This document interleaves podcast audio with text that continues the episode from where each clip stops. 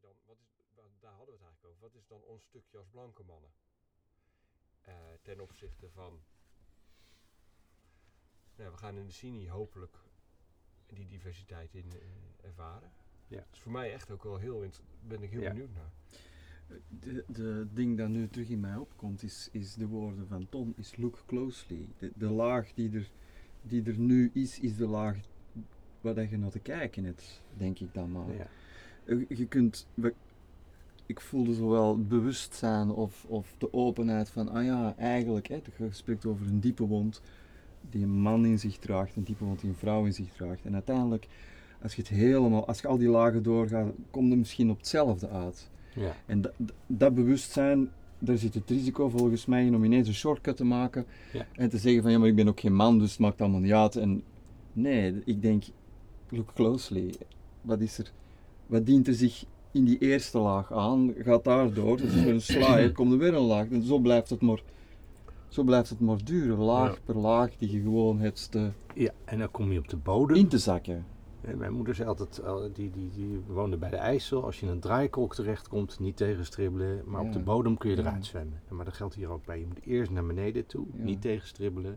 En als je bij de Heilige Wond komt, dan heb je de sleutel om eruit te komen. 27 augustus in de huurt bij Sven. En we hebben nog geen thema.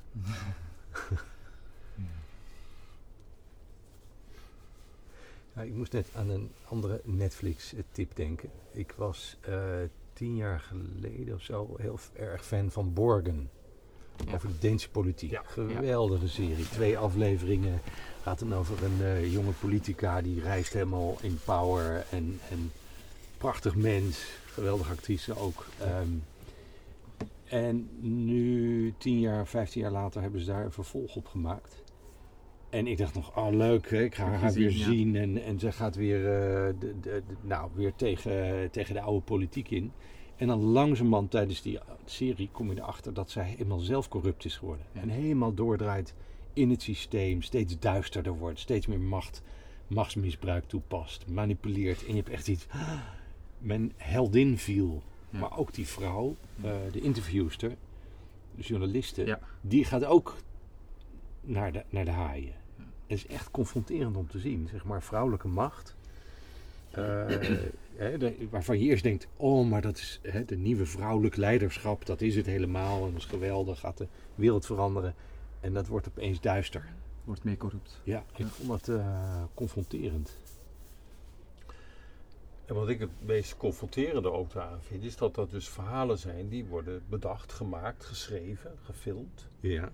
Hè, waar we het net over hadden. Allerlei verhalen, nieuw, eh, Disney Channel eh, series, waar een hele ideologie in zit.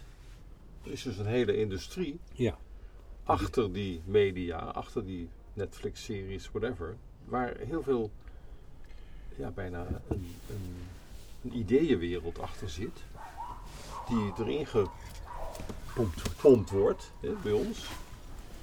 Maar wat is dat voor een wereld? Wat, Ja. Wie bedenkt dat? Wie bedenkt dat? Nou, ik vind het het spannende daaraan, vind ik dus. Maar ik, ik heb misschien een naïef beeld van creativiteit en het maken van mooie dingen, zeg maar.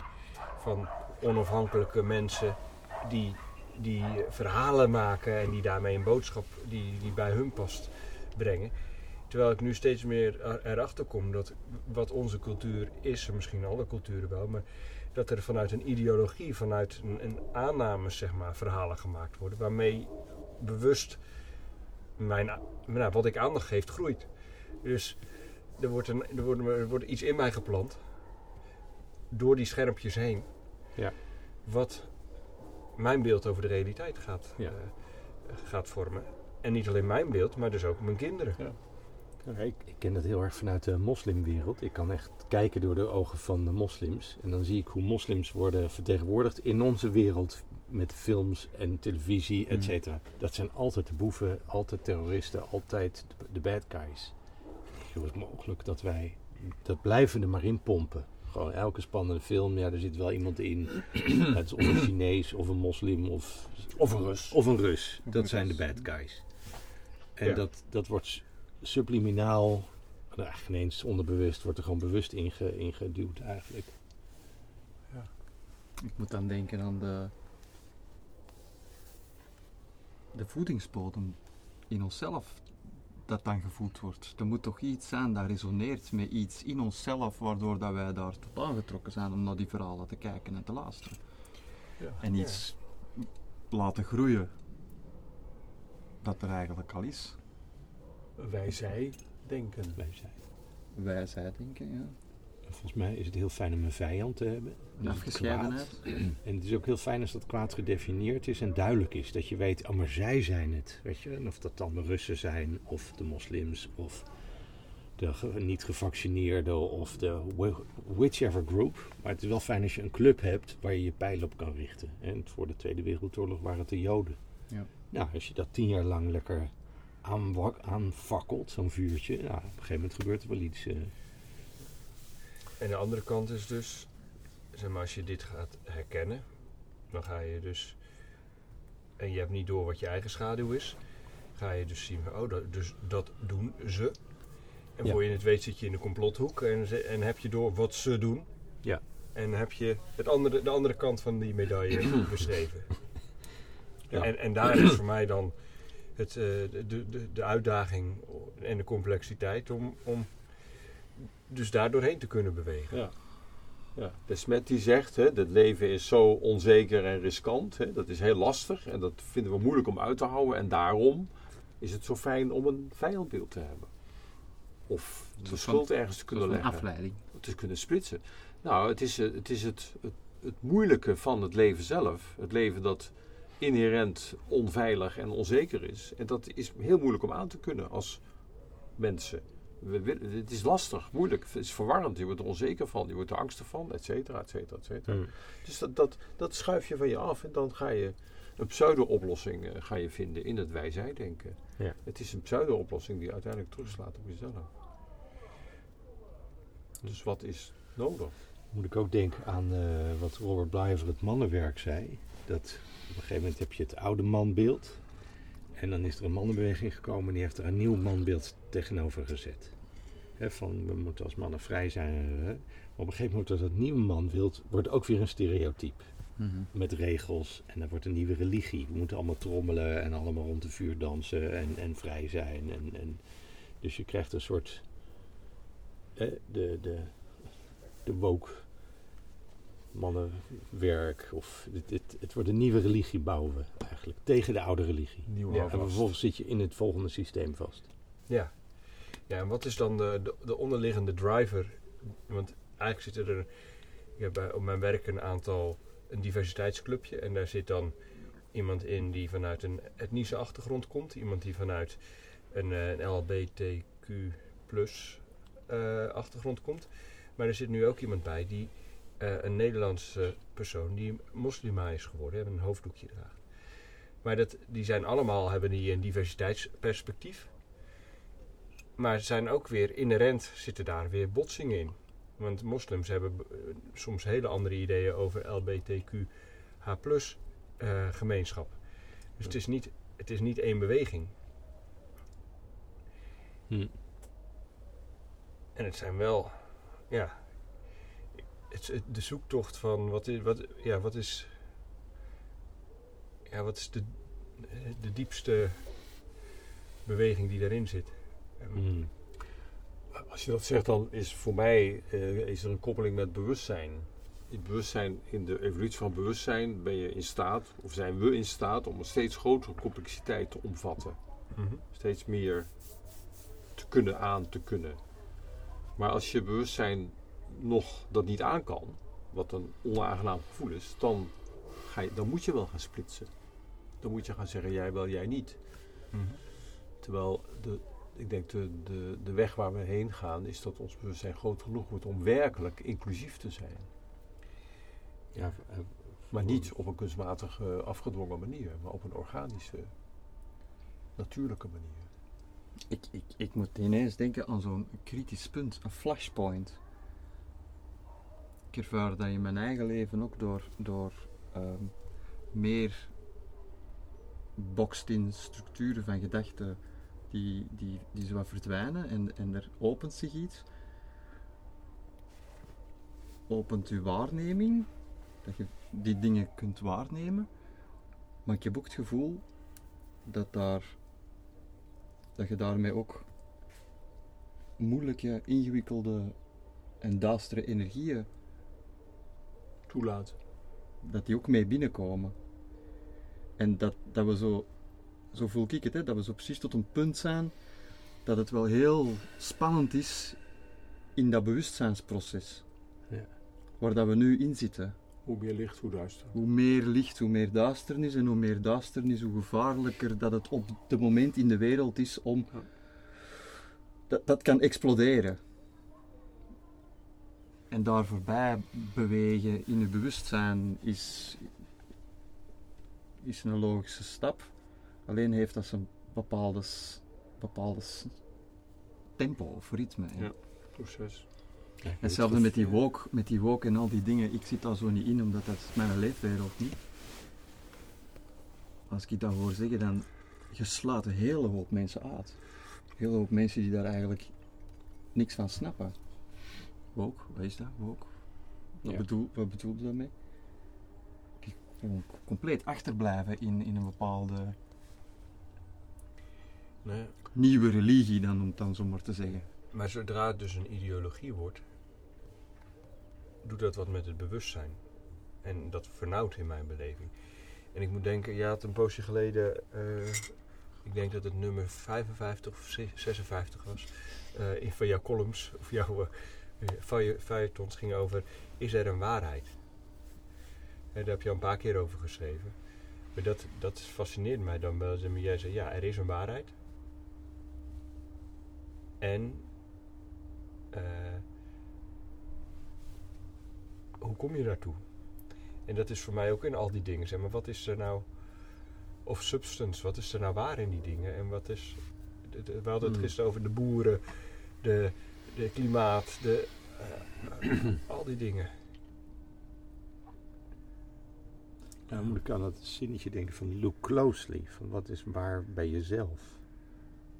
Resoneert het ergens? Of is het een theorie? Is het een verhaal over de werkelijkheid? Dus men moet elke keer koppelen aan wat, wat is er bij jezelf?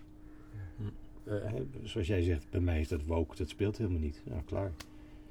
Ehm, als ik het net heb over oud manbeeld, nieuw manbeeld, is omdat mij dat interesseert. En omdat ik op zoek ben naar mannelijkheid. In, in mezelf, naar mijn eigen mannelijkheid. Dus ik ga verhalen daarvoor zoeken. En, en, met, en met toetsen aan verhalen. Van, kan, kan ik daarmee eh, iets krijgen? Of kan, ik, kan dat verhaal mij iets zeggen?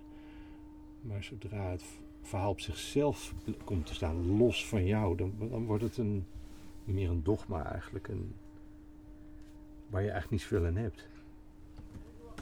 Het gevaar is dan dat je een soort objectieve waarheid ook de deur uitgooit. Ik zou maar zeggen, de aarde is rond. Hè, thema wat langskomt. Dat je op een gegeven moment ook dat niet meer gelooft. En zegt, nou voor mij is de aarde een kubus. Zou kunnen zeggen, voor mij voelt dat zo. Ja, op een gegeven moment dan, dan, dan, dan, dan is, dan is alle, alles uit... eh, kun je alles loslaten. Dan, is, dan ben je helemaal in het postmoderne universum aangeland waar je zegt anything goes. Ja, Fireabend, dat kan alles dus. diversiteit ten top. Maar dat, dat ja, is, dan kom je in de sfeer dat eh, bijvoorbeeld mensen, als ze iemand zien afbranden, nog een grote glimlach hebben en van, nou, het moet dan zomaar Het moet zo lopen. zijn. Terwijl dat er iemand aan het afbranden is. Ja. Ja. Terwijl dat je eigenlijk die mens misschien nog voordat hem in brand vliegt, zou kunnen redden. Ja. Nee, dat gaan we niet doen, want het, het hoort zo, het moet zo zijn. Dat is de Oosterse visie van, eh, van, het, van de realiteit, Ja. denk ik. Iemand wordt verkracht voor je ogen. En ik heb ooit iemand horen zeggen in een groep: ja, dat is gewoon karma. Ik zeg, ja, je kan ook ingrijpen. Dus is dat dan ook geen karma? Precies. Nee, maar dus, dus er is een bepaalde manier om in het moment wel te voelen van wat is hier kloppend, wat is hier aan de orde. En dat is ook iets wat ik heb gemerkt, dat kan ook een gedeeld iets zijn. Over goed en kwaad kan dat gaan. Maar als je nou dat voorbeeld van die eh, platte aarde. Ja, zeg maar, ik denk dan, ja, eh, alles is mogelijk, maar niet alles is waarschijnlijk. Ik heb eh, vanuit mijn directe waarneming geen enkele mogelijkheid om dat te controleren. Ja, ik heb hooguit dus het gevoel gehad dat ik in een vliegtuig zat dat er een, een bolling in zit. Maar ik geloof best dat een, iemand die daar echt goed in die theorie zit, daar ook weer een argument voor heeft. Maar het, het maakt mij verder ook niet zo heel veel uit. Eh, weet je, de- ja, ik, eh, ik vind dit best een plat stukje aarde waar ik op zit. Eh, Ja. Dus wat, wat zou het nou, zeg maar, voor mij maakt het niet uit of. of- Is het gevaarlijk? ja, en dan, dan moet je dus gaan kijken wat is, welke vruchten levert het op als je dat soort dingen gaat geloven. Wat gaan, worden mensen er. Ik moet dan denken aan een film die ik ooit heb gezien, 20 jaar geleden, Agora. Dat gaat over een mysterieschool in Alexandrië, in het oude Egypte. Daar, zijn al, daar is een vrouw aan de leiding die studeert wiskunde, astronomie, astrologie. Die heeft echt bestaan. En in die tijd was de aarde rond. Hè, Dat wisten ze allemaal. Ze wisten sterrenbeelden, ze wisten hoe dat allemaal in elkaar zat. Maar dan komt er een nieuwe eh, spirituele beweging op. En die, eh, die zijn nogal radicaal. En eh, die moeten helemaal niks hebben van zo'n vrouw aan de leiding. En die nieuwe spirituele beweging heet het christendom. Ah. En eh, het, het eindigt ermee dat die vrouw eh, achter de paarden wordt gebonden en eh, door de st- straten wordt gesleept en gemarteld wordt en gedood. En vervolgens het christendom neemt over en 300 jaar later is de aarde plat. En dat is hè, twee- de 1500 jaar zo, totdat een aantal eh, wetenschappers, de Illuminati, komen die zeggen: ja, jongens, dit klopt helemaal niet, dat, eh, dat wereldbeeld. Maar waar, waarom zeg ik, is het gevaarlijk, is zodra je vanuit een dogma een andere groep gaat onderdrukken. En als Precies. Maar dat betekent, ik zit niet in een positie dat ik een andere groep kan onderdrukken. Maar ik zit hier nu met jullie vandaag. En, en als je mij nu zou vragen, zullen we het eens hebben over de platte aarde of de ronde aarde? Dan denk ik van, nou, voor mij is het aannemelijk om a- te denken dat de aarde rond is. En, en, en verder heb ik me er nooit zoveel in verdiept. Maar ik voel ook geen behoefte om me daarin te verdiepen. Dus dus het is eigenlijk een ongevaarlijk dogma, zou je kunnen zeggen. in het hier en nu, Ja, zeg maar. want er wordt verder niet zoveel eh, kwaad mee gedaan. Maar neem bijvoorbeeld een ander dogma. eh, De boeren eh, zorgen voor ons voedsel. Is Hmm. nu in Nederland een dogma. En daarom staan we achter de boeren. En daarom zijn we tegen het kabinet. Ongeveer de helft. stikstofplannen van tafel. Dat, is- dan wordt dus een, een bepaald dogma, een bepaald idee, wordt in, in werking omgezet.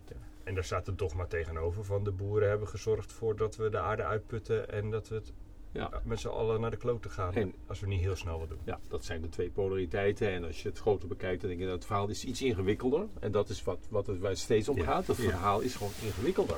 Het is gelaagder, het zit heel veel ingewikkeld, er zit veel meer stratificatie in. Zoals in de geologie. Elke laag gaat weer over een andere laag, over een andere laag, over een andere laag.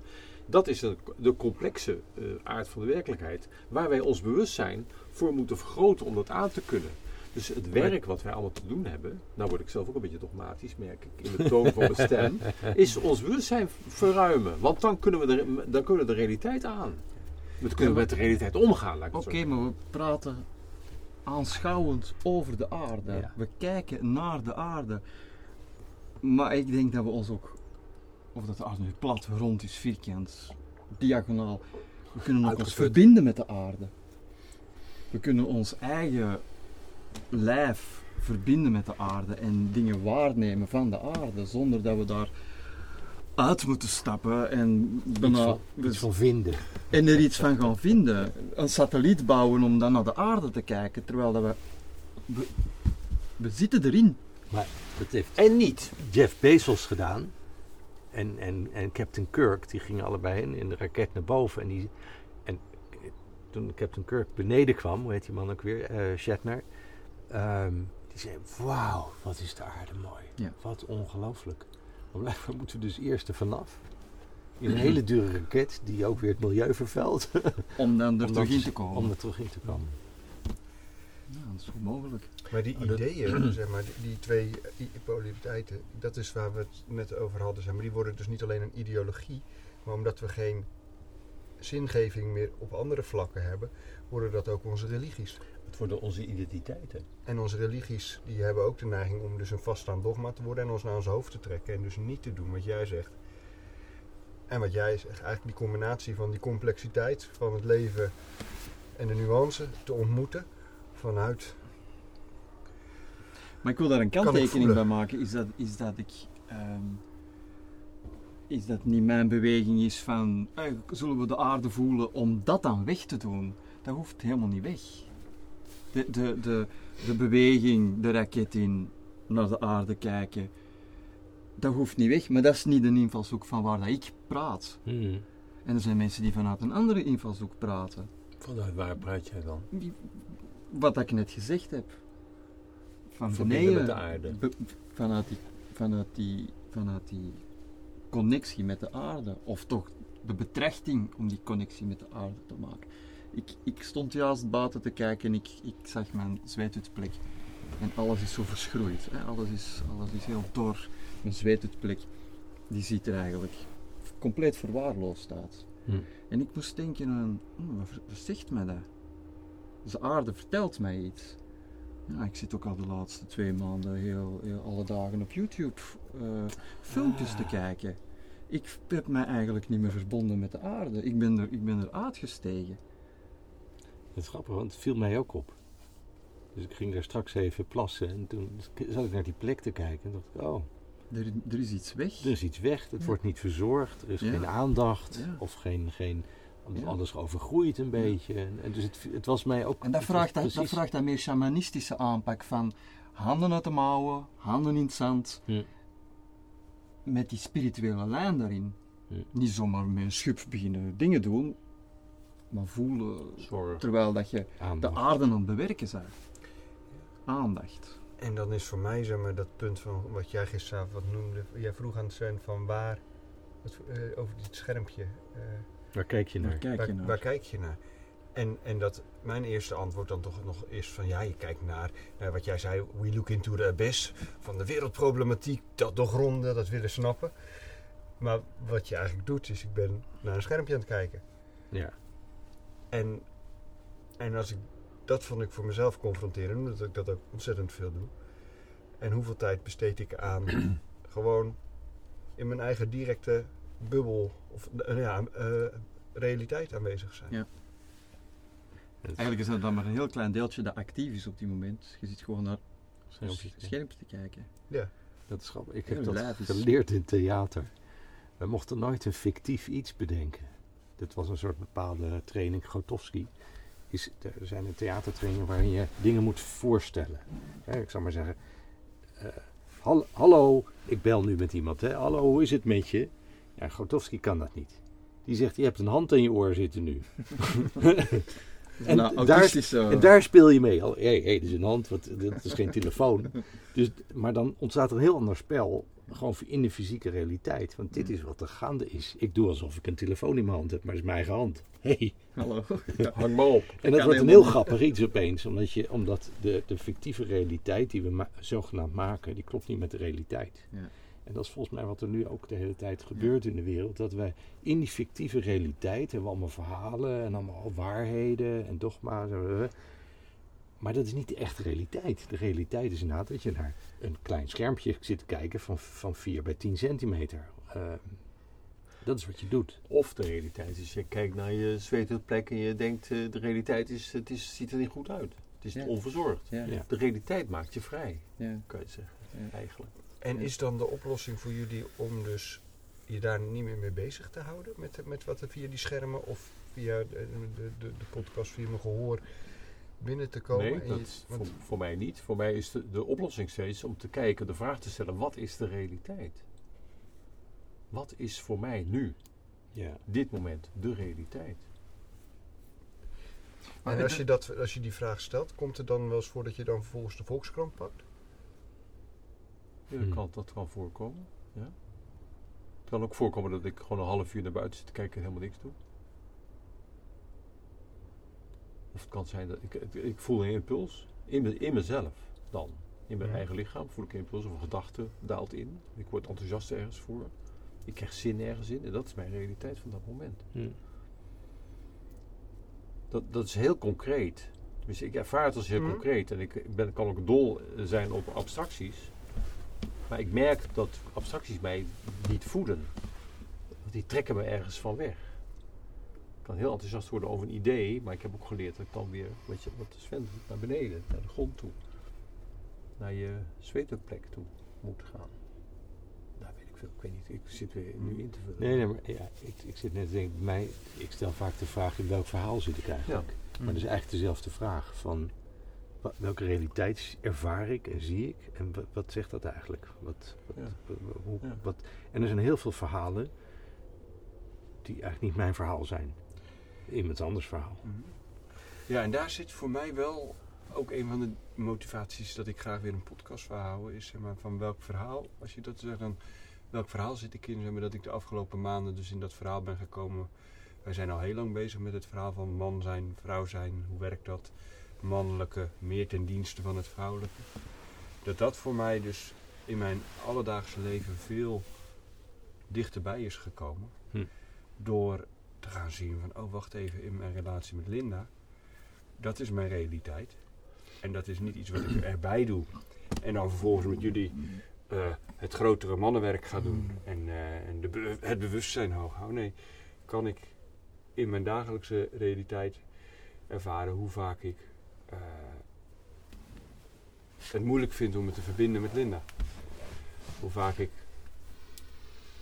wegloop voor eh, de momenten die, die, die ik ingewikkeld vind. Of eh, mijn standaard neiging om als er iets misgaat haar de schuld te geven. En, eh, en dat ook altijd heel goed kunnen beredeneren. Dat te herkennen en daaruit te kunnen stappen. En dat dat een, als je dan zegt die realiteit, als ik die onder ogen ga komen, dat dat een realiteit is die me vrijmaakt.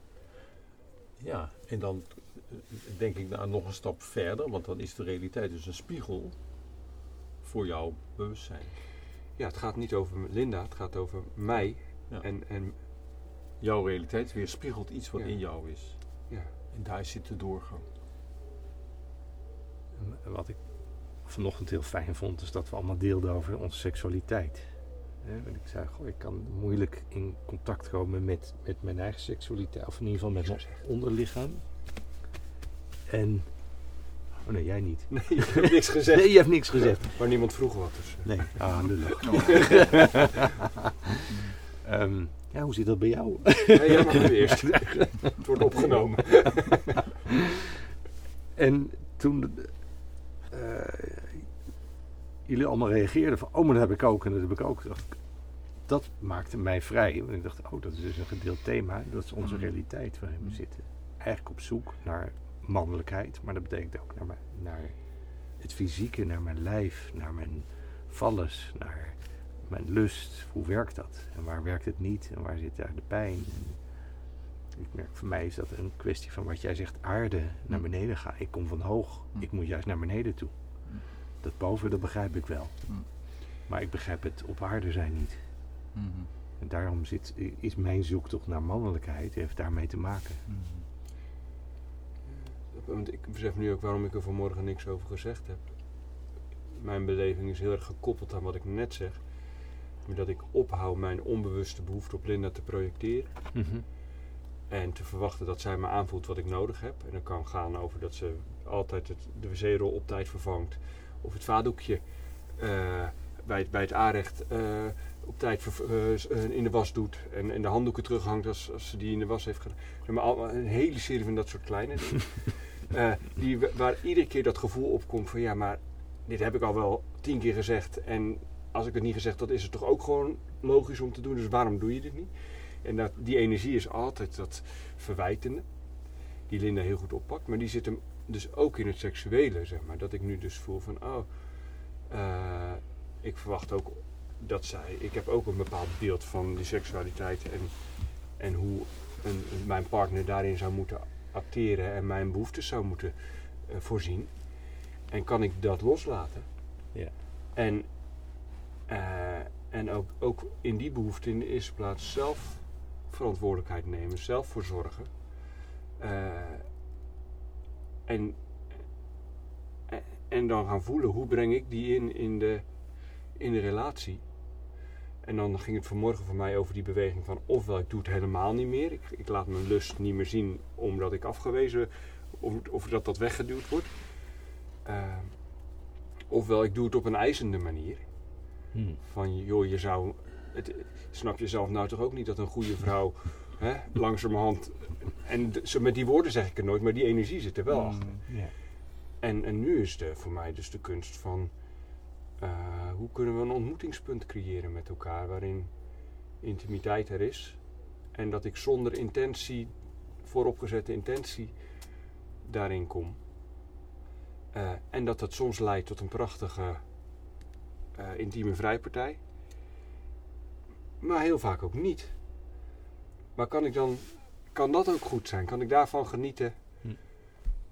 Nou, dat is, en dat is waar ik soms nu zo van ervaar van als dat lukt, dat is heel be- bevredigend op meerdere lagen. Ook al is het niet seksueel bevredigend. Terwijl als ik het. Nou ja, als, en, en, ik, en ik word steeds bewuster van het feit van dat afgewezen jongetje. En het, eh, en, en het, het grote gapende gat van slachtofferschap.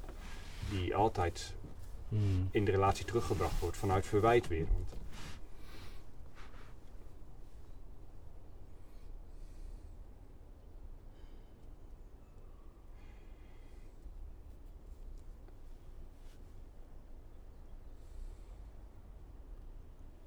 En ik denk dat daar ook een bepaalde realiteit in, in, in, in, in zit.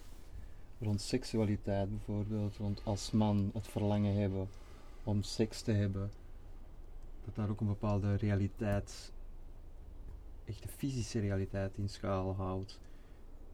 Binnen in het lichaam een, een, een bijna geen woorden voor, maar bijna een, een diepe connectie, lichamelijk een diepe connectie lichamelijk kunnen ervaren. Ja. Dat dat ook, dat ook het lichaam daardoor gevoed wordt. Ja. En dat eigenlijk op onbewust niveau, je kunt dat dan, eh, dat kun je ook dan weer overschouwend naar gaan kijken en, en verhalen op gaan koppelen. En, maar er is een, er is een somatic beweging daarin. Er is een beweging in die, die, die, die, die, die, die, zegt van ik, ik, wil, ik wil vrijen. En volgens mij als je dan gevreden hebt en dat is bevredigend, dan maakt die hele wereld niet meer uit. Heb je ook geen verhalen of theorieën meer, want je bent gewoon gevoed. Je, Ja. Bent, je bent vervuld eigenlijk. Maar daar schuilt dan ook voor mij dan toch ook een realiteit in, om, als ik dat dan heb mogen ervaren, om dan de pijn die daarmee gepaard gaat, mogen voelen. Want voor mij een diep lichamelijk contact met mijn vrouw opent ook iets in mij, Ja. waardoor, dat, waardoor dat de pijn ook, waardoor ik ook bepaalde pijn Ja. kan voelen, een bepa- bepaald trauma eigenlijk, dat in mijn lijf schuilt Mm. Kan voelen. Ik hoor wel eens het verwijt of van ja, als we dan intiem zijn geweest, daarna zit je weg. En dat, dat klopt ook. Er, er, er, er komt dan ook iets mee met, met dat goddelijke, komt er dan iets mee wat ik te voelen heb, waar dat ik dan ook van wegloop. Dat ik niet wil, dat ik toch nog niet wil voelen. Toch niet, niet bij wil zijn. Mijn vrouw pikt dat bijvoorbeeld heel goed op, dat, ik- dat ik los van waar zij mee, eh, mee zit, dat is niet aan mij om daar eh, heel de verhalen over te gaan vertellen. Maar daar zit ook van alles. Dus ik daar zit een hele energie rond. Wat ik, als je dat zo vertelt, dan wat ik herken is dat de, de verbinding is dan op een gegeven moment gewoon te veel. Ja, het, Het is, ja. het is te veel, het wordt te veel, het wordt Ja, het overweldigd. het ik, moet, ik moet me weer sluiten, ik moet terugtrekken, ik moet in isolatie Ja. gaan. dat kan een bepaalde, dat kan, dat kan zeer doen. Ja, dat is ook het, zoals het mannelijk is. Hè. Je krijgt een erectie en je komt klaar en dan is het voorbij. Ja. Hè, dat is bijna psy- psychologisch ook zo. Je, je klaar. Bij vrouwen is dat een heel ander verhaal. Hm. Het bouwt op en dan krijgen ze een piek en dan bouwt het weer af, zeg maar. Dus die blijven meer in verbinding, terwijl bij mannen is het veel meer een, moment. Ja. Het is veel lastiger om in verbinding te blijven eigenlijk. Ik vond het wat mij vanmorgen ook zo opviel toen jullie daarover hadden. En, en wat ik heel herkenbaar vind, is voor mij zei jij dat Sven, van, dat eh, de paradox die ik zelf herken als wij eh, vrijen brengt dat eh, voor de vrouw heel veel ontspanning en, en heel veel. Maar op het moment dat je dus in die alledaagse stressmodus zit, dan is er totaal geen goesting, geen aandacht, geen behoefte. Dus om tot die ontspanning te komen, eh, eh, ja, moet je bijna op vakantie zijn soms. Hm. Eh, terwijl de paradox voor mij is van dat ik voel van als we daartoe komen, dat het juist tot enorme ontspanning en op- verbinding en openheid leidt. Maar dat bewustzijn is achteraf en daar heb je niks aan als je weer in het alledaagse bewe- beweegt. In, in de stress en de spanning. Hmm.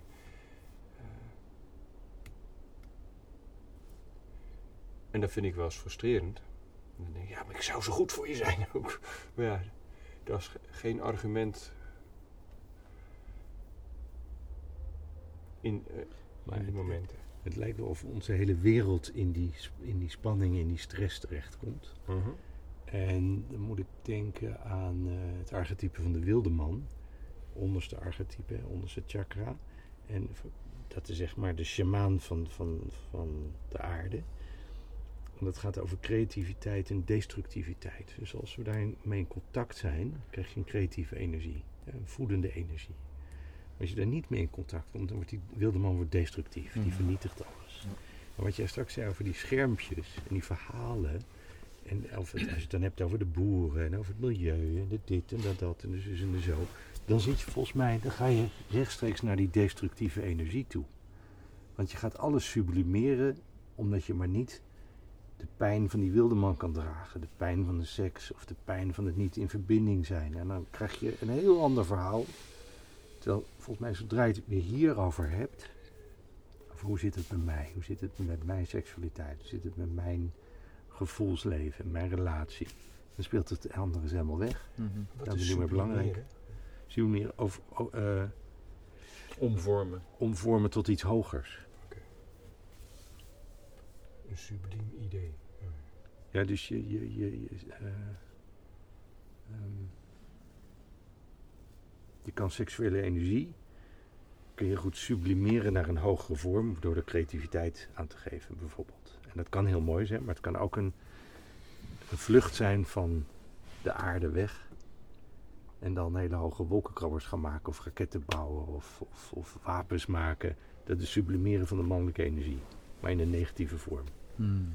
eigenlijk. Hè? Dan, want wie heeft de grootste, de snelste, de, de, de hardste, de rijkste? het Zo'n soort van hart tegen hart. Het wordt een. en, en als je dan weer terugbouwt naar waar gaat het nou oorspronkelijk om, ben je blij met je eigen vallers? Eh, is, ben, je daar, ben je daar happy mee? Is dat, weet je, st- stroomt dat? Maar ja, dan breng je het weer terug naar oorspronkelijke realiteit. energie.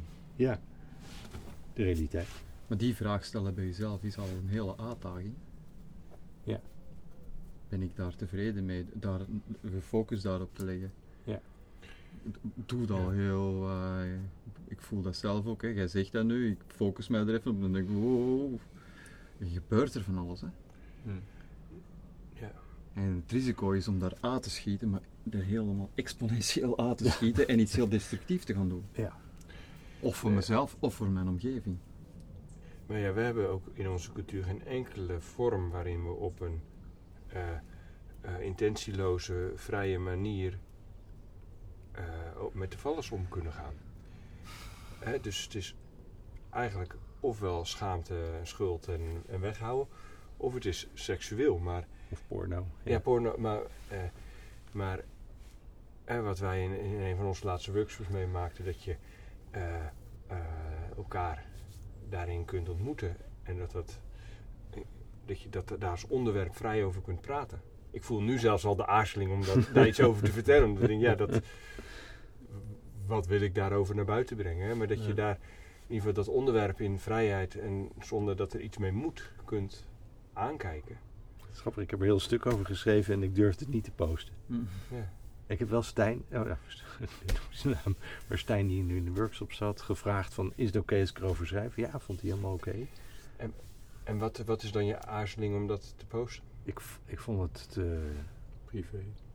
te privé. Nee, daar had ik niet zo moeite, want ik schreef ook over eigen dingen die ik meegemaakt had. Eh, een van de dingen waar het voor mij bij begon, ehm, was dat ik op vakantie was in eh Cavadière, Provence, in Zuid-Frankrijk. En ik had voor het eerst een vriendinnetje. Mhm. Dat was allemaal heel pril, verliefd. En, en, eh, en op een gegeven moment, wat gebeurde? De vader van dat vriendinnetje, daar had ik een leuke band mee. En ehm, er gebeurde iets. Ik was aan het zwemmen, jongetjes onder elkaar. Iemand pikte mijn zwembroek af. Hm.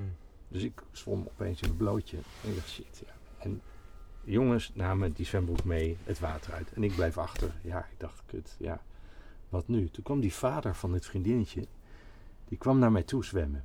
En ik dacht, oh, go- godzijdank, oudere man, die redt mij van mijn lastige situatie. En wat deed hij? Die tilde mij op uit het water. Wauw. Dat was zo beschamend. Zo ontzettend pijnlijk. En dat beeld kwam heel vaak later terug in mijn leven. Als ik beschaamd werd. Ja, je voelt al Ja. wat een impact dat heeft. Dat je, je eigenlijk als jongen, ja, ik weet niet hoe oud ik was, misschien acht jaar of zo. Heel kwetsbaar, Een vernedering. vernederd worden v- ten aanzien van iedereen. Ten aanzien van je vriendinnetje, je familie, je vrienden, et cetera. En dus ik begon te schrijven dat stuk over die schaamte. En toen vertelde ik ook wat er in de workshop gebe- gebeurde. Dat we daar ook met, met al die mannen naar keken. Van, "Ah," en ook dat gevoel van schaamte voelen van... Oh, kunnen we het daar wel over hebben? Want dit is wel heel, eh, heel privé, zeg maar. Maar ik dacht, daar moeten we het over hebben. Mm. We moeten het hebben over, want dit is zo kwetsbaar. Maar wij, alle mannen herkennen dat. Dat gevoel van, is mijn geslacht oké? Ja. Durf ik het te laten zien? Is dat niet heel vreemd? Eh, daar zit zoveel lagen op. Ja. En daar willen we het allemaal niet over hebben. En waar, waar gaan we het over hebben? Over de boeren en over de techniek en de hele mikmak. Dat is het sublimeren van de wond. Mm. We hebben allemaal een heilige wond. Daar willen we niet aan. En we gaan er iets anders van maken. Ja, en als je zo dat vertelt van zo'n ervaring in dat zwemmen, dan als je die jongetjes die elkaar zwembroek afpakken, daar voel ik een onschuldige speelsheid in. Het is een flauwe grap, maar haha. Maar zodra dan eh, zeg maar, een vader eh, of zo'n oudere man erbij komt die, dan, die dat dan, dan flikt, zeg maar, dan voel ik echt Ja. zeg maar, zo die nare energie van Ja. wat een Ja, en vernederende kutstreek. Ja, Je denkt eerst, ik word gered. Ja. En dan tegenovergesteld is waar. En het was een man waar ik bewondering van. Dus het was ook nog een man waarvan ik dacht, oh, dat is een, Een man, een heel leuke beeld. man. En, en, en, en ik wist zelfs niet meer hoe ik me mo- moest voelen daarover. Nee, ik was verward in mijn, Ja. ik weet, ik, zoveel tegenstrijdige gevoelens. Ik was alleen maar diep beschaamd, maar ik kon zelfs dat woord geen eens. eh. Dan moet ik trouwens ook denken, vind ik ook zoiets, zo'n wond. Ik had ooit twee Syriërs in huis. Twee Syrische jongens, twee broers. En in de avonden, zijn drie maanden hebben ze bij mij gewoond, begonnen ze te vertellen over eh, wat er gebeurd was in Aleppo. En één jongen, ik kan nog steeds voelen, die vertelde, ze stonden met een groepje vrienden te praten.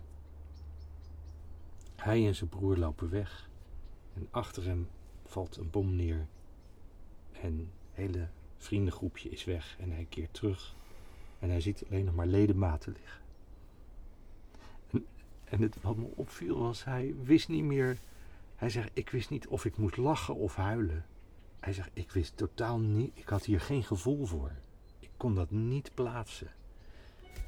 En we hebben denk ik in die drie maanden hebben we voor het eerst echt kunnen voelen. Omdat zij waren totaal getraumatiseerd in een gevoel. Zeg maar, dit is de wilde man. In de meest destructieve vorm.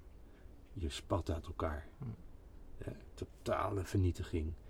En als, als jongetje, als man, denk je, jezus man, ik weet niet hoe ik hiermee... eh er is geen container voor.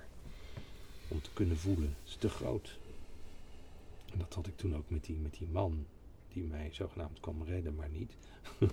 ik had geen container om dat te kunnen plaatsen. Nu kan ik dat. En nu konden we dat met Heart of Man, konden wij met, met hoeveel man waren we? 25 of zo? Ja, zo 28. Ja. Konden we eigenlijk dat met elkaar, konden we dat, konden we mee dealen. Van, oh, het is oké, het is goed. Ja, dat doet mij denken aan wat eerder al eh, aan de orde kwam, de, het verdriet. De- de- je zegt er is geen, we kunnen dat niet voelen. Het is zo Ja. groot, overweldigend, het gaat zo, zo heftig. Dat, daar hebben we geen, geen, geen instrumentarium bijna voor, hè, geen bewustzijn voor. Ik denk dat wij, in, in, om het weer even een beetje misschien algemeen te maken, met het mannelijke verhaal, dat wij dat zo vaak hebben meegemaakt als mannen in vorige levens inderdaad, dat we dat die, die kant van de man zijn, geweld, gewelddadigheid Hm. en alles wat daar aan vastzit, dat we daar ook een soort, soort verdoofdheid voor hebben ontwikkeld. Want ik kan het ook, ik kan erover denken wat er allemaal gebeurt in de wereld. En soms lees ik, dan ra- word ik enorm geraakt door iets, een scène uit een oorlogsboek, weet ik veel wat. Maar ik kan er heel vaak helemaal niet bij. Ja. Ik zit daar te kijken als een abstractie. Weer een bominslag in de Oekraïne, weet ik veel wat. Kinderen. Ja, Af en, af en toe wordt het ineens zo erg dat inderdaad iedereen, hè, een- een aangespoeld jongetje op het strand. Hè, dat is dan zo'n iconisch beeld. Dan kan je het even voelen. Maar het is, het is al die tijd overal. Ja. En ik denk dat we, dat we de gevoeligheid daarvoor weer, als het ware, weer, weer moeten terugvinden. Weer mogen terugvinden met elkaar. Want het is, het is diep verdrietig wat er gebeurt. Heel vaak. Die mannelijke wond. Ja. Dat doet mij ineens zo de, de link leggen naar heel dat woke eh, gebeuren. En dat er jongeren zeggen van ik ben niet meer man. Ik ben ook niet meer vrouw. Mhm. Wat dan als man zijn. Dat we als man hebben, of, of toch, dat komt heel vaak in de workshops voor, dat we hebben te ownen wat, wat, wat, wat onze lading is, wat, de pijn. Ja. Het is uw persoonlijke pijn, maar het is ook een beetje een mannelijke pijn die we te dragen hebben in, in, in het werk. En ik vind dat we er elke keer, eigenlijk, vooral de Hearts of Men, toch in slagen om bepaalde pijnen te voelen rond het mannelijke. Maar dan denk ik soms ook van ja, zou het kunnen dat er, dat er mannen nu zeggen van ik ben niet meer man, dan moet ik het ook niet aangaan. Maar dat, Dat- dat- sublimeren. Dat is over de pijn heen stappen en dan zeggen we, dit is de oplossing. Ja. Nou, nee. Als ik geen man niet. ben, hoef ik die mannelijke energie ook niet te dragen. Ja, en er zit wel een andere kant aan ook. Zeg maar, dat ik denk van ja, het is, eh, het is iets wat nooit een optie was. Hè, dus ik voel me niet thuis in mijn lichaam. Eh, hè, dus, en dat dat, dat dat nu in ieder geval meer Ja. ruimte en meer aandacht Ja. krijgt, Ja. is, is denk ik ook iets wat best wel, zeg maar, als je het over opties, alles is mogelijk, voor mij ook wel een mogelijkheid is dat dat in deze tijd dus ook daadwerkelijk meer, eh, meer aan de orde is. En, en dat daar dus voor mij dus ook iets moois en goeds in zit dat daar ruimte voor komt. Hè, het is die ideologische kant waar ik een, een slecht gevoel bij heb. Maar er zit ook nog het andere aspect wat ik zelf zie, hè, wat je vaak hoort bij oudere mannen, die dus minder mannelijk worden, die minder testosteron letterlijk krijgen, maar die dus ook meer die zachtheid en die, eh, eh, ja, die an- eh, androgyn is geloof ik het woord. Ja. Eh, dus eh, wat ik bij mijn eigen vader ook zie, die, die zie ik, voel ik ook dat die verzachting optreedt. En dat hij dus, en hij, maar dat heeft niks te maken met dat hij zich niet meer een- met, als man identificeert. Dat is, dat is een heel ander verhaal weer. Maar toch is dat ook een natuurlijke beweging. En Ja, beaam dat. Ik voel dat zelf ook als een natuurlijke beweging in mezelf. Ik ben bijna 68 en ik voel, voel me kwetsbaarder dan vroeger. Ja. In allerlei opzichten. Fysiek, maar ook geestelijk. En dat is nou letterlijk, zo, dat ze mijn vader ook zegt, ik voel me kwetsbaar. En dat is, en ik zie aan hem dat hij dat ingewikkeld vindt. Maar ik ervaar het als, iets heel, als zijn zoon, als iets heel fijns. Omdat ik zijn hart daar doorheen kan voelen. En, en Ja. veel meer liefde voel, een verbinding voel. Maar ik kan er ook, ik moet er niet te veel woorden aan geven, want dan, eh, dat leidt tot verwarring. Het is iets wat ik van binnen kan, kan genieten. En, en dat is mooi. Ik merk dat bij jongeren ook wel. Twintigers, 18, 19 jaar. Als ik dan kijk bij ons op het werk bijvoorbeeld, wat groot verschil dat dat is ten opzichte van mijn generatie en nog ouder. Hoe minder strijdvaardig en minder agressief.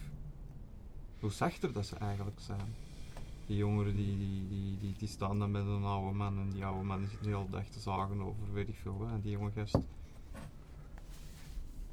kan daar bijna zo wat met zachtheid naar kijken. Het, is, het is precies ook iets nieuw of iets, iets dat, er, dat er in aan het schuiven is. Zo'n Ja. verzachting van de mannelijkheid die automatisch er, erin komt. En dat is, ik vind dat zo boeiend, want dat voor mij helpt dat ook weer om wat milder naar ehm, de, het woke verhaal te kijken. En ook te zien van ja, ik, ik ben ook echt wel, ik zie ook de schoonheid en ervaar ook wel de mooiheid van diversiteit. Mm. En, en er Ja. veel meer ruimte voor gevoel en voor eh, nou ja, minder stereotyp zijn. Nou, dan moest ik moet denken dat programma waar we het even over hadden, Zomergasten met Raven van Dorst. hè, Ja, waar moet ik nog naar- kijken. Maar. Ik moet het nog kijken. Daar ging ik naar kijken met toch wel, ik heb wat oordelen daarover, zeg maar, hè, over LHBTQ, et cetera. Maar ik, heb, ik vond het heel mooi om te zien. En zij, zij praten gewoon vanuit haar eigen, eigen situatie. Het was heel menselijk. En ik merkte gewoon, het, duurt dan een paar uur, dat vind ik heel fijn. Hè, dan kan je echt een beetje ingaan. Dat ik helemaal het zo, ja, zo volkomen aanvaardbaar ineens ging vinden. Dus mijn eigen, eigen harde wat oordelen gewoon losliet. Ik dacht, ah joh, maakt uit. Ze zei ja, ze was helemaal voor Hè. Dat ontdekte ze op een gegeven moment. En ze praten ze over gewoon vanuit, ja, vanuit haar situatie. En Ja, dat maakt het, dat wat je ook het. zegt, dat maakt het zo gewoon te hebben. Hè? Het is niet dogmatisch, nee, dit is haar realiteit. Dat kon ik helemaal Ja. mooi zien. En ik vond het voor mezelf fijn om het, om het zo in mee te kunnen, omdat het me ook opende voor. Ja. En dat was... Dat was een programma met eh, een heel lang eh, interview is dat eh, zes keer eh, in Nederland met iemand die als hermafrodiet geboren was. En op een gegeven moment door medische ingreep eh, vrouw geworden was. Maar dat, dat tweeslachtige weer ging leven toen ze wat ouder werd. En daarvoor uit de kast kwam, zeg maar. Dat gewoon zei, ik ben, ik ben allebei. Hmm. Mhm. Ook letterlijk hè, in haar lichaam. En dat helemaal is. Haar naam veranderde. En dat is gaan leven. Heel, Hmm. ook mooi. Heel, eh, Het is grappig, hè? Want volgens mij, er zijn natuurlijk hier vier blanke mannen. En het, het gevaar bestaat ergens dat die hele diversiteitsbeweging, hè, alles wordt geaccepteerd, behalve wij nog. Ja. Want wij zijn de boosdoeners, want we waren namelijk de top van de, van de voedselketen. Ja. Dus dat is volgens mij waar we zelf ook naar moeten kijken. Niet zozeer in het verweer, maar Mhm. waar zit onze stuk van zelfontkenning of niet zien wie we zijn of de zelfreflectie van wie is de blanke man eigenlijk? De witte man. De witte man. Oh, mag blank ook niet meer zeggen. God, krijgen we een oude eikel. Ja. ja, nee, maar dat, Ja. daar zit een... Ik vind het een mooie vraag, maar ik, ik kan hem nog niet helemaal Ik ook niet. voelen. Ik vind het ook wat, een mooie dat, vraag. Wat dat, wat dat dan. Dus dat is een interessante vraag. Wie zijn wij eigenlijk, zeg je? Hè? Wat Ja, dalen we in onszelf af? nou wat, Wat- volgens mij eh, homo's, zwarte, eh, lesbisch doen, is hun eigen identiteit zoeken. Wie ben ik? En mag dat er zijn? Dat is een heel proces. En die komen langzamerhand naar buiten en die zeggen: hé, maar jongens, dit is mijn verhaal. Ik ben hermafrodiet. Of, en Mag eigenlijk wil ik dat dat geaccepteerd wordt. Dat hebben wij als blanke man niet hoeven doen, want wij waren al geaccepteerd. We waren namelijk de meerderheid, of de, de, de, de dominante meerderheid. Maar eigenlijk moeten wij dat proces nemen. Wat zij. Zij zijn een voorbeeld voor ons eigenlijk.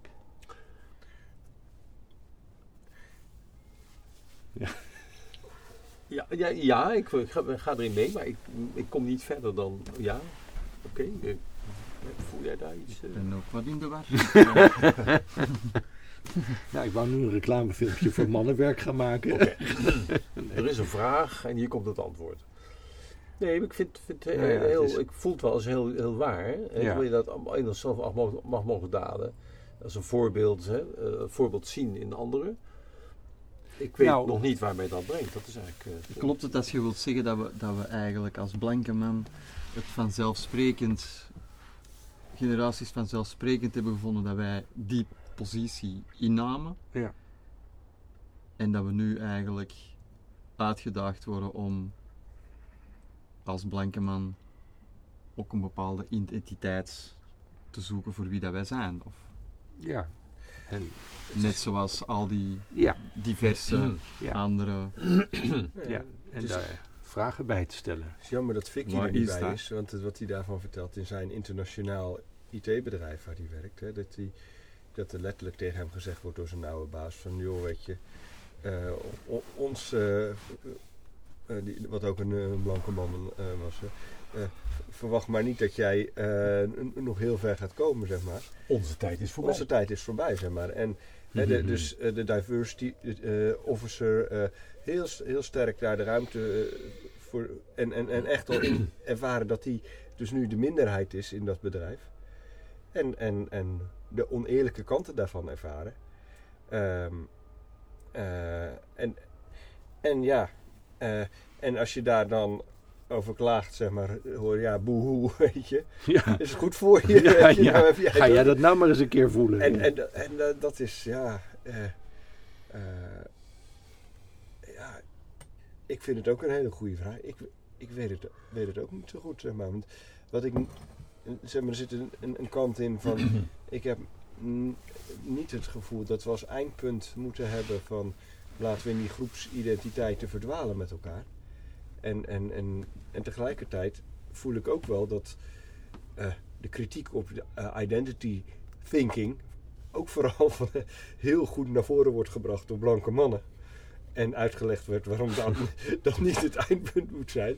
Eh, maar oké, stel dat, het, dat we aannemen het is niet het eindpunt, maar het is wel een station wat zich nu aandient. En wat, hoe kunnen we op dat station Nou, zijn? volgens mij wat wij al die tijd gedaan hebben, is onze eigen wond, die heilige wond, door het niet te voelen, hebben we hem, geproject, hebben we hem uitbesteed aan anderen. Dus we hebben de, de, onze pijn verplaatst naar zwarte mensen, slaven gemaakt, naar homo's, naar vrouwen, naar andere culturen. Dus we hebben niet, wij hadden het goed, maar we verplaatsten onze pijn naar de anderen. En die gingen het voelen. Nu is het aan ons om dat te gaan voelen. Maar dan komt er eigenlijk in het dader-slachtoffer, slachtoffer-dader Precies, beweging terecht. Precies. En het En- gevaar is dat, dat het helemaal omslaat. De vraag die je nu stelt eigenlijk is, waar ligt de bron van ons slachtofferschap Ja. als blanke man? Ja. Waar ligt die diepe pijn? Er moet ergens in ons Ja. collectief geheugen als blanke man ergens een heel diepe wond zitten, Ja. die wij meedragen en die, waardoor dat we dader zijn geworden. En je kan hem alleen maar komen als je gaat voelen en gaat rouwen, het verdriet voelen en de pijn voelen. En dan pas kom je bij de bodem uit waar de wilde man ligt. Op de bodem van het meer. En voor mij zit daar nog wel één aspect aan. Want als ik terugga in mijn eigen historie, zeg maar, naar mijn opa en overgrootvader. Dat waren wel blanke mannen. Maar die waren niet succesvol, waren niet rijk. Die hadden een, een arbeidersbestaan. En die, die in de 19e eeuw die moesten eh, in Drenthe een stuk grond ontginnen. En die, die, die, werkte 24-7, zeg maar. Eh, pas, pas bij mijn opa is pas dat stuk gekomen. Nou, die was smid. En aan het eind van zijn leven hè, kwam vakantie en kwam. eh, en, en pas de generatie van mijn vader is, is eigenlijk die. eh, zijn mij toegetreden tot, tot die groep van geprivilegeerde eh, Hmm. ge- generaties. Maar de meeste van onze voorvaders, ja, jij bent natuurlijk van adel van, van oorsprong, maar de dat was ook altijd een heel klein clubje. Er zit een beweging in, want eerst is het adel en dan is het mijn overgrootvader was een straatarme schoenmaker. Dus Ja, maar de, de, dus wij hebben niet altijd, zeg maar, eh, het is ook binnen die groep van blanke mannen, zeg maar, was het altijd een klein clubje, de heren 17 van de VOC. Daar waren echt niet alle Hollandse mannen die, die, die, die, eh, want als je op zo'n VOC-schip voer, als Hollandse man, nou ja, dan had je natuurlijk beter dan een slaaf. In een aantal gevallen, als je het overleefde en geen scheurbuik kreeg en doodging. Dus jij zegt eigenlijk, wij blanke mannen hadden het ook niet zo makkelijk. Eh, nou, eh, zeg maar, het risico, en dat is eigenlijk zeg maar, het risico van het tot de groep blanke mannen, dat die in de geschiedenis het allemaal zo goed hadden, dat, dat is ook een, een verhaal wat, wat, Fictie. wat niet klopt. als soort van macht, machtige groep. Generaliserend. Dat is net zoiets zeggen als alle politici zijn, zijn, zijn schurken. Ja. En als je dan die eh, mensen gaat vragen, dan denk je, het zijn ook maar mensen met hun, met hun pijnen en hun verhaal en hun Ja. gedoe. Maar dan, dan komt eigenlijk dan altijd de vraag, wat doen we onszelf en elkaar aan? Blank Ja. onder elkaar, blank, zwart, homo's, lesbiennes. Eigenlijk Boeren, als politici. mensheid. Ja, en Wat doen we onszelf en anderen En anderen aan. aan? Ja. Is het nou de Heart of Man weekenden van de afgelopen jaren? Eh, voor 95%, dat zijn allemaal mannen sowieso, maar voor 95% volgens mij ook nog eens eh, blanke, nou 90% zou ik zeggen hetero mannen. Ja. Eh, ja, het is natuurlijk een gevaar om hier de vraag te stellen, is dat een probleem? Want- En om dan met elkaar te zeggen, nee, nee dat voelde namelijk heel goed, dus dat is geen enkel probleem. maar zouden we, kunnen we onze eigen schaduw daarin zien? Nou ja, dat is eigenlijk de vraag die, Ja. die Ton ook stelt. Hè? Afdalen en kom, wat komen we daar dan tegen? Ik, het steeds een beeld wat bij mij terugkomt, en dat heeft met die vader te maken. Die vader, die man die jou Ja. hè, beschaamt. Ja. Ik zag een scène, heb ik zitten kijken op vakantie. We waren bij, zo'n bij die steencirkel, bij stenen. En er was een vader en een jongetje, zoontje. En, de, en die vader deed een spelletje met het jongetje. En die zei eh, wie, wie, wie het eerste bij de steen is. En dan renden ze naar die steen toe. En dan, en dan zei die vader, die was als eerste daar. Het jongetje was zes of zo. Dat komt niet zo uit op. En dan zei die vader, zei, I won, I won, I won. Ha, ha, ha. En dan deden ze nog een keer. Nou, we dit die steen zo hard mogelijk rennen. En dan rende weer die vader. En die vader won weer. En dat jongetje dat viel. En, dat, en die vader zei, deed weer van, I won, I won, I won. En dat ging zo een aantal keren door. En ik dacht, joh, laat dat jongetje dan godverdomme ook een keer winnen. Dat deed hij niet. Dus je sloeg die vader op zijn bek. Ik zat erbij, ik vond er iets van. Ik je daar jezus verontwaardiging man. bij? Ja. Hè? Voelde je daar verontwaardiging bij? Ja, daar werd ik boos van. Ik, ik voelde me gewoon plaatsvervangend eh, eh, vernederd. Dat jongetje, wat, Ja. wat gewoon Ja. hè, neer wordt ge... Je kan het, je bent er nog niet. Haha, je kan het niet. I won, I won. Ik werd er agressief van. Totdat dat jongetje de kracht in zichzelf vindt. Een paar jaar later. Het is een- gewoon een andere visie op opvoeden. En met een bazooka een hele klas neermaait. Nee, maar dit... Ja, bijvoorbeeld. ja. Of op het eiland. Ja, ik. Maar- Maar een voorbeeld van mij van, van de week, het tegenovergestelde. Mijn jongste zoon werd niet uitgenodigd voor een verjaardagsfeestje. Acht jongetjes in de klas, zeven andere jongetjes wel. En die komt in tranen thuis. En eh, zijn, eh, zijn moeder, die, eh, die ook in het verleden wel met, met pesten en uitsluiten te maken heeft gehad, ja, die hoort dat.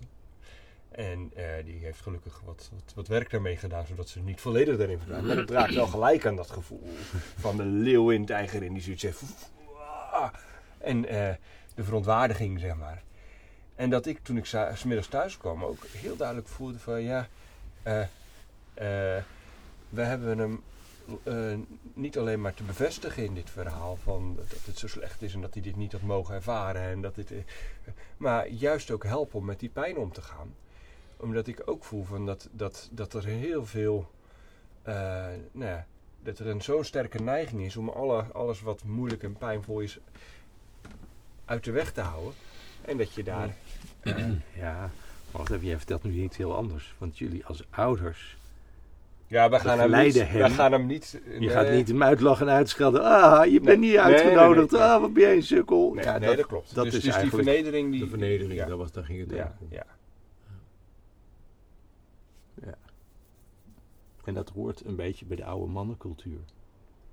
Ja. Hoe Ja. word je ingewijd Ja. in het leger? Vernederd worden, Ja. man. Hoe word je ingewijd in de studentenclub? Keihard vernederen. Daar moet je tegen kunnen. Dat is Moet goed je tegen voor je. is goed voor je. Bedrijfsleven, de harde kant van het bedrijfsleven. Ja.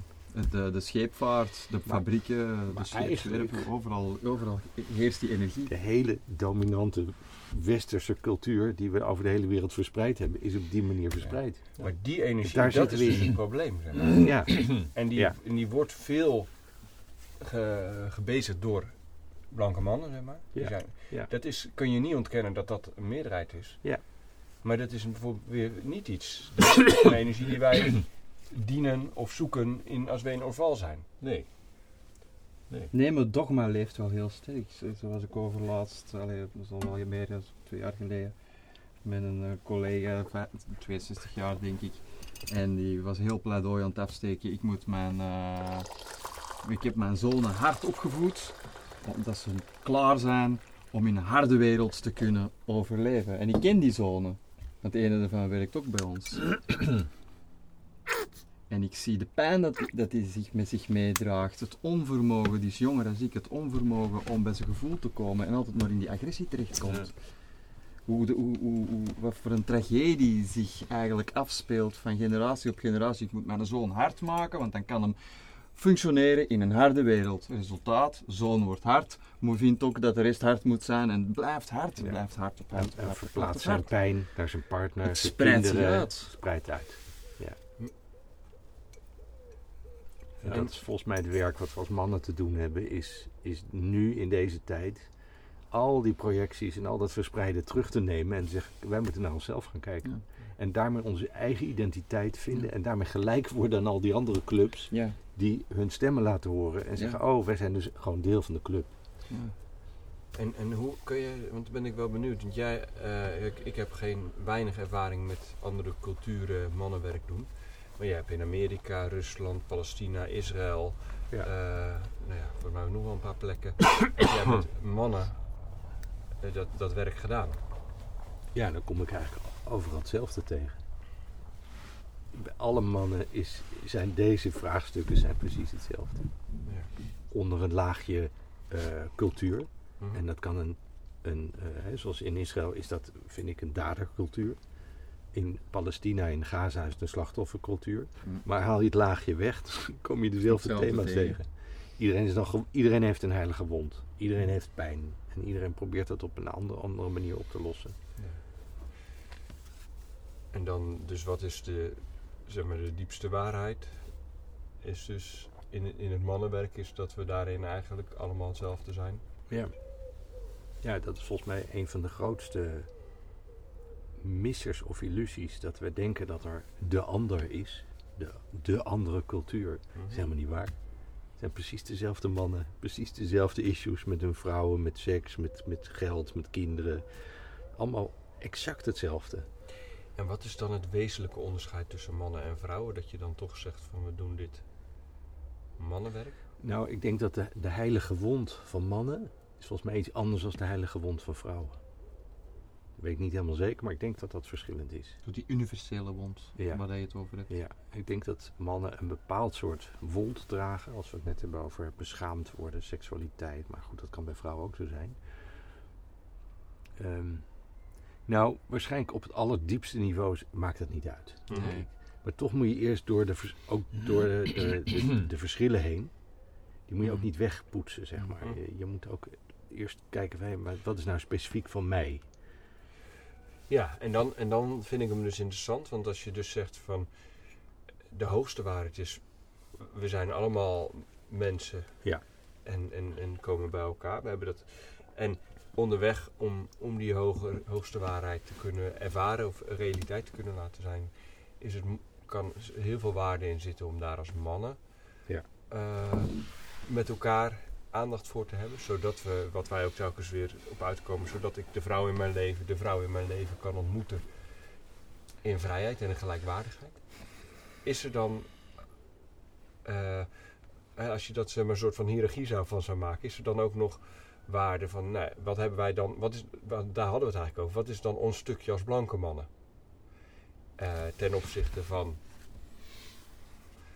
nou, we gaan in de Cini hopelijk die diversiteit in eh, ervaren.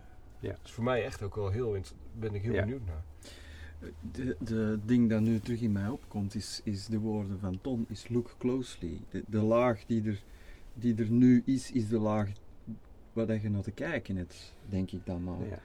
Eh, Je kunt, ik voelde zowel het bewustzijn of, of de openheid van, ah ja, eigenlijk, hè, je spreekt over een diepe wond die een man in zich draagt, een diepe wond die een vrouw in zich draagt. En uiteindelijk, als je het helemaal, als je al die lagen doorgaat, kom je misschien op hetzelfde uit. Ja. En dat, dat bewustzijn, daar zit het risico volgens mij in om ineens een shortcut te maken Ja. en te zeggen van ja, maar ik ben ook geen man, dus het maakt allemaal niet uit. En nee, ik denk, look closely. Wat is er, wat dient er zich in die eerste laag aan? Gaat daar door, dat is weer een slide, komt er weer een laag. En zo blijft het maar, zo blijft het maar duren, laag Ja. per laag die je gewoon hebt te, ja, en dan kom je op de bodem. in te zakken. Ja, Mijn moeder zei altijd, eh, die, die, die woonde bij de IJssel. Als je in een draaikolk terechtkomt, niet tegenstribbelen. Maar op de bodem kun je eruit zwemmen. En Maar dat geldt hier ook bij. Je moet eerst naar beneden toe, niet tegenstribbelen. En als je bij de heilige wond komt, dan heb je de sleutel om eruit te komen. Ja. Dat is de wijsheid van de surfers die op de golven surfen. Een mega golf en die worden verzwelgd door de golf. Als ze zich verzetten tegen die golf, verzapen ze. Ja. Die moeten eerst gewoon blablabla, helemaal mee naar beneden om dan uiteindelijk, als het goed is, boven Kom te je komen. weer Maar je weet het niet of dat je boven in beide komt. gevallen het element water dus, wat Ja. Ja. overweldigend is. Emoties. Ja. Maar je weet ook niet of dat je terug gaat boven komen. Maar dat heb, ik denk dat je dat hebt te aanvaarden. En dat is wat oude culturen deden in de initiaties. Inwijdingsrituelen werd de jongen meegenomen naar de, de wond. De En- kleine dood Een eigenlijk. kleine dood, je sterft, je, je weet niks meer, het is één groot. En dan komt een nieuw leven. En dat is wat we volgens mij collectief te doen hebben als hele cultuur, maar vooral de witte mannencultuur. is sterven, initiatie, doodgaan. En dan kan er nieuw leven komen. Maar op de weg waarop we nu doorgaan, is het geheid eh, einde oefening. Ja. En ik heb de neiging om in ieder geval daar een kleine differentiatie in aan te brengen. Mijn idee, naar, naar de bodem toe hebben we als mensen allemaal dezelfde wond, volgens mij. Even mijn interpretatie. En dat is de wond dat we niet erkend zijn. Op wat voor manier dan ook. Maar op het geslachtsniveau, mannen, vrouwen, zijn de wonden verschillend. En voor mij heeft de wond van de man op dat niveau heel veel te maken met het daderschap. En daarin gefaald zijn. Of daar bang voor, zijn om te falen. Of niet goed gepresteerd te hebben. Of afgekeurd of afgewezen. Om wat je niet hebt gedaan. Vrouwen worden denk ik afgewezen om wat ze wel hebben gedaan. Wacht even hoor. Ik kan hem even nog niet helemaal volgen. Ja, dat is ook misschien een beetje te mentaal. Ik zag ineens twee lagen in dit hele geval. Maar ik zou hem dan, maar als je zegt look closely, dus kijk dichtbij bij jou, Ja. dan is dit volgens mij, hoor ik hierin, jouw ervaring van de afgelopen weken van wat ik niet heb gedaan. Ja. Hoe ga ik om met mijn mislukkingen? Nou, ik, ik voel in mijzelf die twee kanten. Ik voel eh, in de, in de diepste diepte voel ik een pijn van niet erkend zijn, niet gezien zijn Mm. wie ik ben. Wat dat dan ook is, hè? door mijn ouders met name, mijn moeder. En op een, op een niveau van dat ik 12 jaar ben, zeg maar, 12, 13 begint dat. Daar zit een, de schaamte van dat ik onvoldoende man ben geweest, zeg maar. Hm. Hè, me niet, mijn prestaties niet goed heb neergezet, niet, niet hard genoeg geweest ben, niet strak genoeg, niet hard genoeg gewerkt, et cetera, et cetera. Dus dat is de mislukkingskant.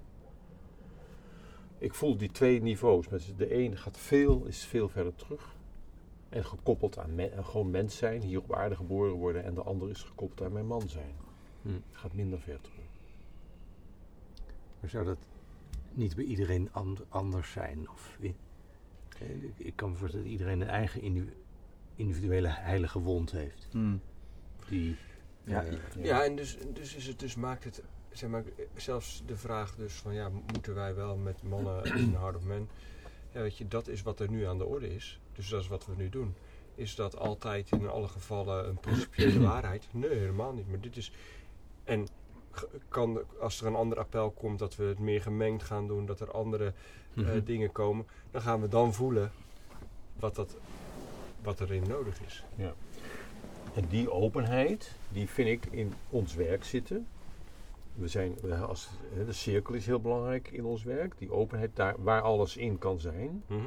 En dat is een andere vorm van mannenwerk dan waarin je zegt, als je echt tegen deze tijd man wil zijn, dan betekent dat je zo, zo, zo, zo, zo doet. Mhm, ja. Ja, absoluut. Want wij hebben geen, geen, geen gedefinieerde agenda wat je Nee. dan moet doen. Maar nu krijgen we de Sinai. ja. En daar, daar- en, en daar krijgen we dus de intentie hebben we om in een bedewiedenkamp met de mannen samen te komen. En de vrouwen gaan op verschillende andere plekken samenkomen. En nu zijn er. Nu, nu, nu, nu is daar de, de realiteit dat er op dit moment in dat kamp ook twee vrouwen die deelnemen aan hetzelfde grotere programma Ja. aanwezig zijn. En dat je dus... ja, En hoe neem je dan met- dus waar van, hé, hey, klopt dit? Of is dit hier een ander appel? Wat? Dus dan is het niet meer anything goes. En, dus dan, moet je, dan, dan kom je toch telkens weer op uit van in het hier en nu waarnemen. eh, en en hoe, hoe neem ik dan waar wat kloppend is, wat juist is in deze situatie? Ja. Ik herken wel dat ik kan weten van hé, maar dit, dit klopt niet. Het is een besef. Is ook een ervaring. We hebben het ook die ervaring gehad dat we de mannengroep hadden en dat er een vrouw in de buurt kwam en eigenlijk de hele, de hele energie van de mannengroep vert- vertrok naar die vrouw toe. En dan kun je eigenlijk niet meer dat innerlijke werk doen. Dat je bent Nee, maar dat was de realiteit dat we in een workshop zaten met een groep mannen. En dan komt er een vrouw, die komt niet, die is op dezelfde locatie en hebben we van tevoren niks mee kunnen doen.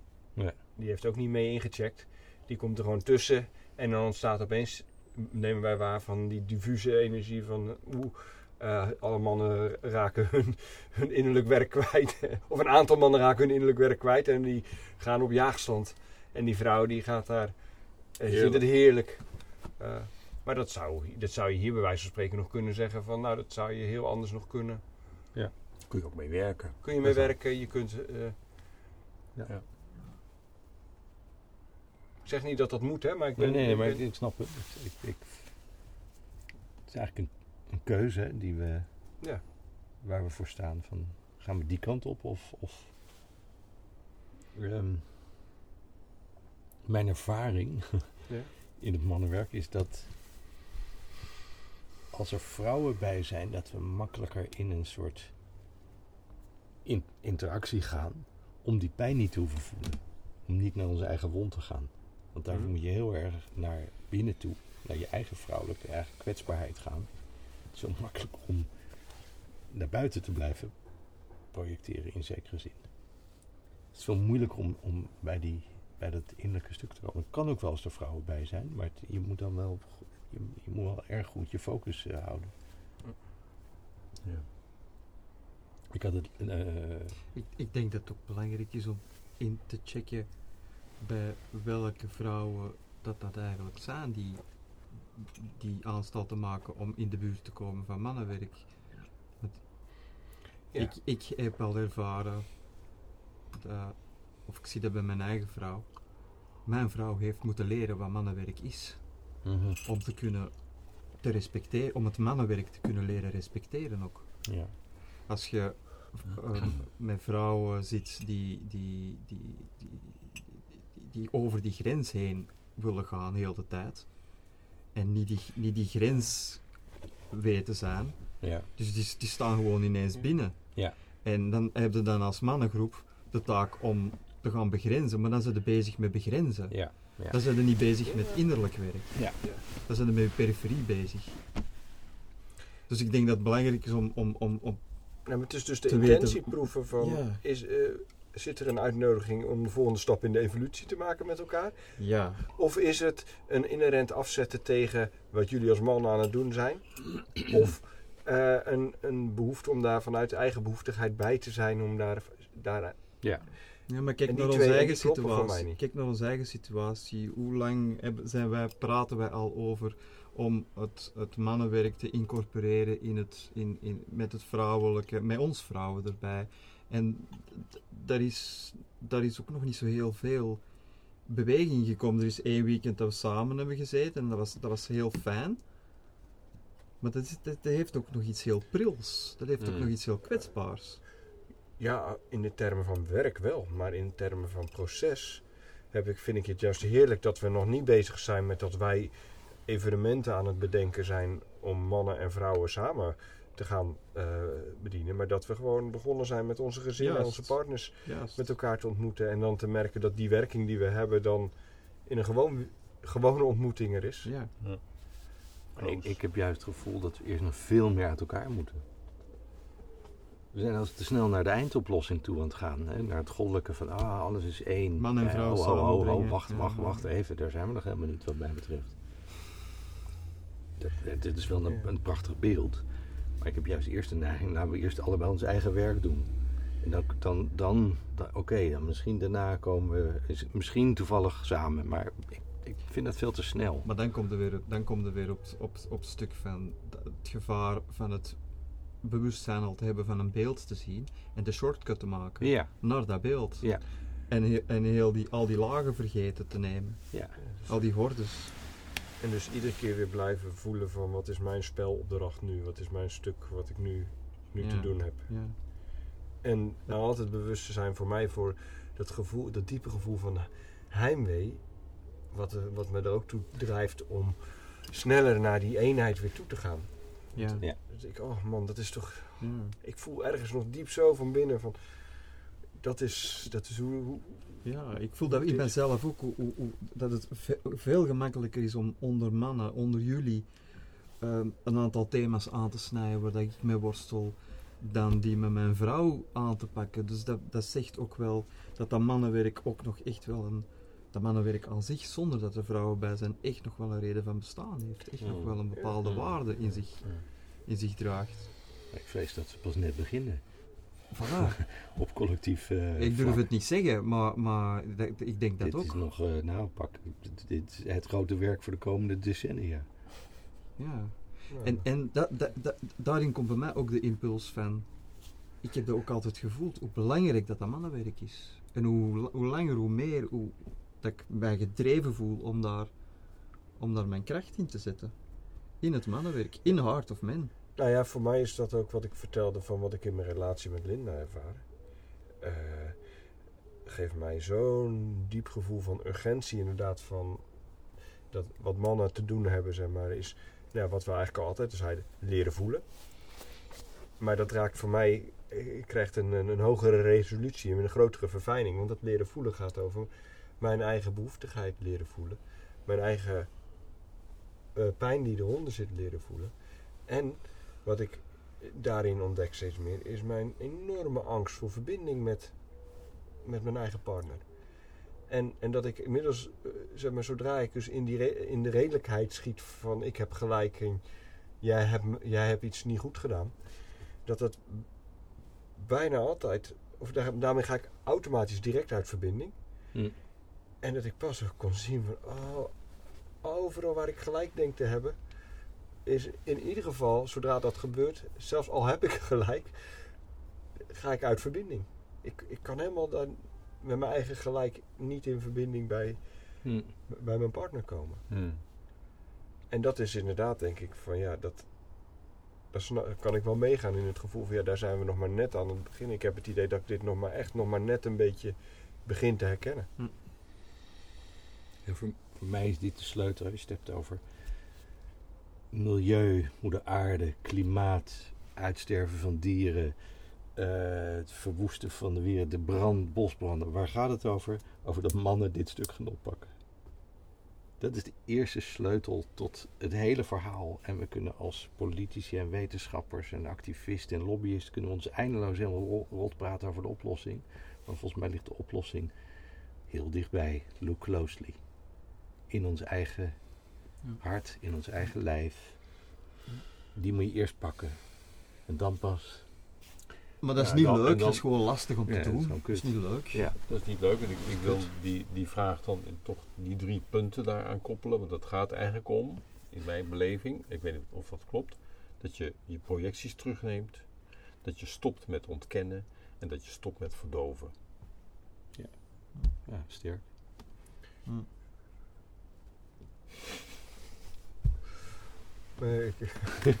En tegelijkertijd zien dat het altijd en en is. Wat, waarom moest jij lachen? Stoppen met, met, met, projecteren en blijven projecteren. Want dat doen we gewoon nog een beetje. ja, of je project. En als je dat niet doet, naar het gevangenenkamp. Ja. Kappen ermee. ineens een eh, gaan dan word wel je even wat- wat- totalitaire, Hey, hey. totalitaire... Nee, dan Ja. wordt je hart op met medaille afgepakt. Oh, Dus dat is de eerste stap. Je hoort er gewoon niet meer bij. dan Je moeten we er nog... niet meer eh, Dat gaan we doen. dan hoor je er niet meer bij. Ja. Je wordt geschrapt, Je wordt excluded. Oké, helder. verbannen. Of je bent wakker en, en de nieuwe man. Of eh, exit. Of Dan denk ik dat we, dat we bij deze eh, statement de podcast kunnen afsluiten Ik en zeggen, als je niet gedraagt als een man, Eruit. Exit. geweldige conclusie. Ja. Ja, oké. Nou, daar zijn we het allemaal mee eens. Ja. Ik zie allemaal knikkende gezichten. Ja, Nou, absoluut.